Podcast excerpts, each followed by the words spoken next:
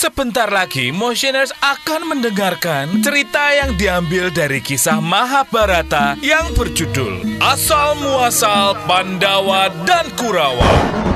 Season 2. Pandawa dan Kurawa Jejaka. Nong nong nong nong nong nong nong nong. Eh, bumi goncang ganjeng langit kelap kelip. Kol kutuk kadal kesit Hong wali heng atos watu gembok tahu Bolong semprong buntu alu Eh Waduh, udah pada siap ya dengerin kelanjutan kisah Pandawa dan Kurawanya? Ya ya ya. Ya udah deh, jangan berlama-lama ya. Kita dengerin dulu kisah sebelumnya. Yeah. Cuma segitu aja, ha? Nih, tahan. Wah,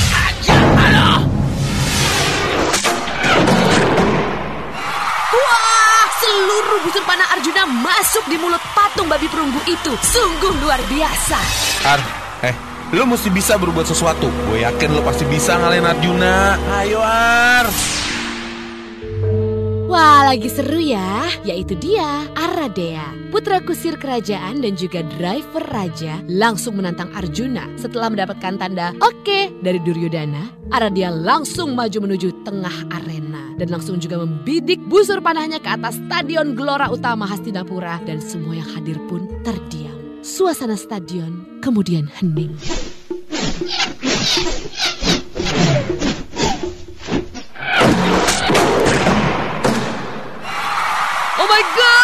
Panah-panah tersebut tepat masuk di antara busur-busur panah Arjuna di mulut patung babi perunggu itu. Para penonton pun berdecak kagum. Para Kurawa berlarian menghampiri Aradea dan mengucapkan selamat. Lo Pandawa, makan tuh. Arjuna dan para Pandawa pun syok melihat kejadian yang baru saja terjadi. Tapi tak ada satu patah kata yang keluar dari mulut mereka. Aradea, hebat lo. Apa gue bilang? Lo pasti bisa ngalahin Arjuna.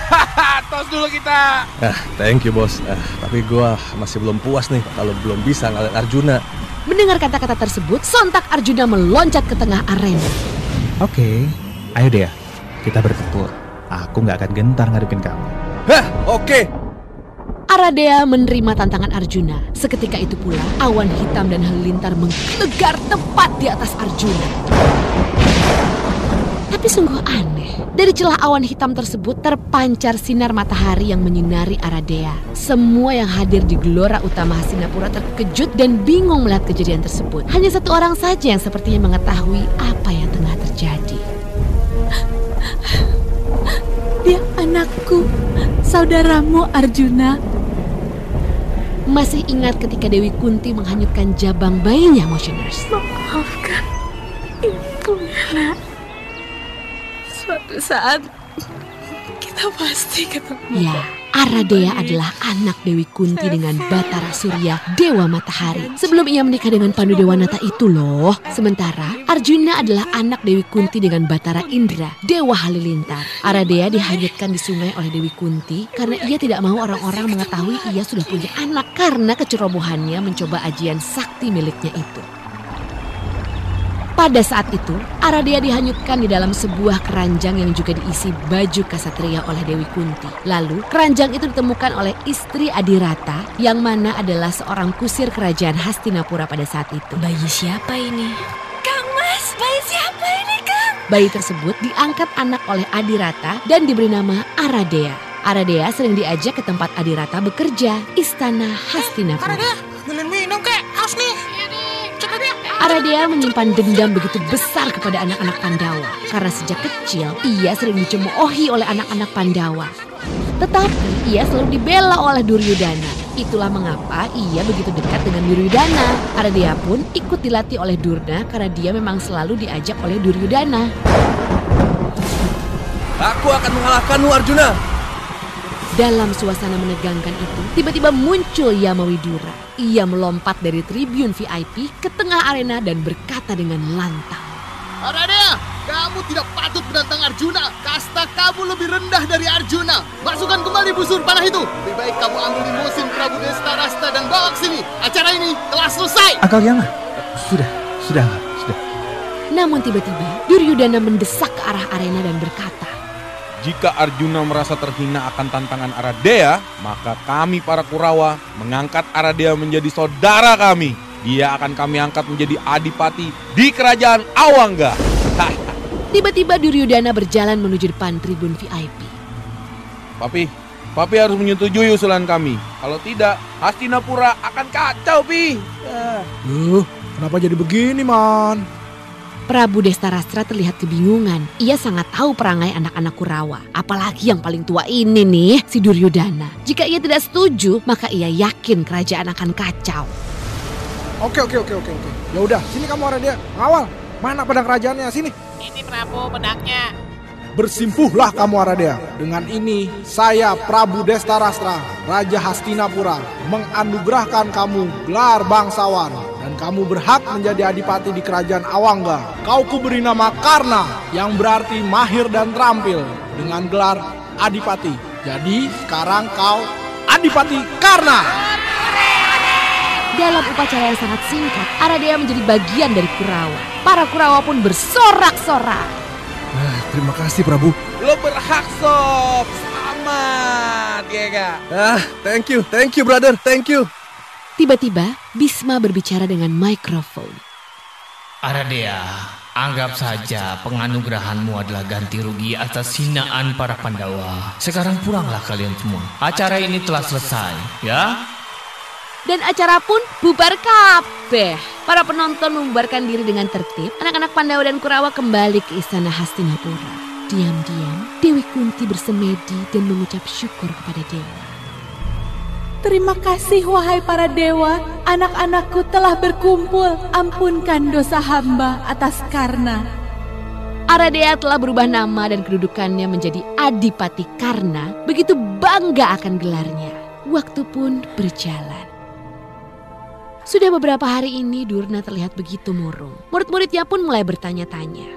Sifu, kenapa sih beberapa hari ini Sifu kelihatan murung? Ya, Ada apa sih Sifu? hmm, Apa ada yang bisa kami bantu Sifu? ya, anak-anakku, Hmm? kalian sekarang sudah mahir semua. Iya Sifu. Semua ilmu kanuragan yang aku kuasai sudah aku turunkan kepada kalian. Iya Sifu. Tapi masih ingatkah kalian akan permintaanku dulu Apa itu Sifu? untuk menyerang kerajaan Pancala? Ingat Sifu, dan kami siap melaksanakannya. Asal Dewan Kerajaan Hastinapura mengizinkannya. Durna pun langsung menghadap Dewan Kerajaan Hastinapura dan menceritakan maksud dan tujuannya. Kami tidak pernah bermusuhan dengan kerajaan Pancala, Paman Durna. Penyerangan ini hanya kepentingan pribadi Paman Durna. Ini berbahaya.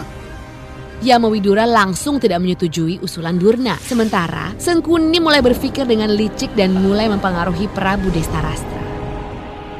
Prabu, ini kesempatan emas untuk melebarkan sayap Hastinapura, Prabu. Lagi pula, Raja Pancala itu gak becus pimpin rakyatnya. Plus dia udah janji sama Durna. Itu bukan tindakan kesatria, Prabu. Udah, setuju aja deh, Prabu.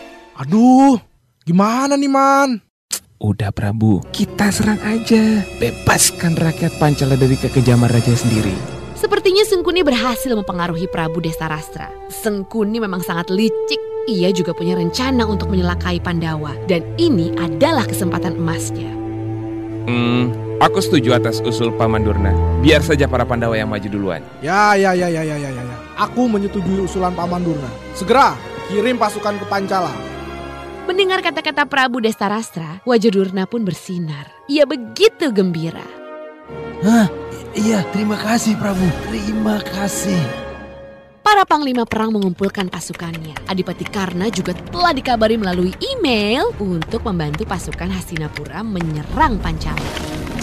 Setelah segalanya begitu siap, seluruh pasukan berangkat menuju kerajaan Pancala dan para Kurawa menaiki kendaraannya masing-masing. Ada yang naik moge, sepeda fiksi, dan lain sebagainya.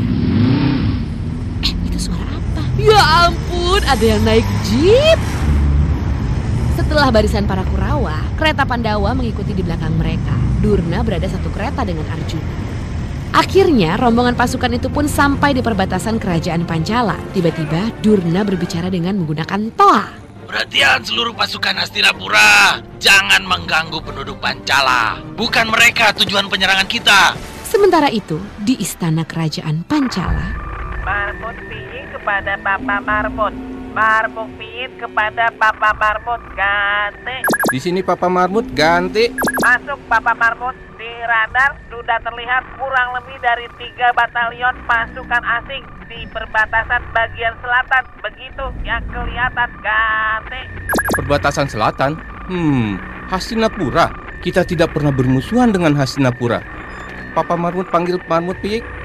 Papa Marmut, masuk. Papa Marmut, kita baru saja mengirim foto-foto satelit dari pasukan asing tersebut. Ganti.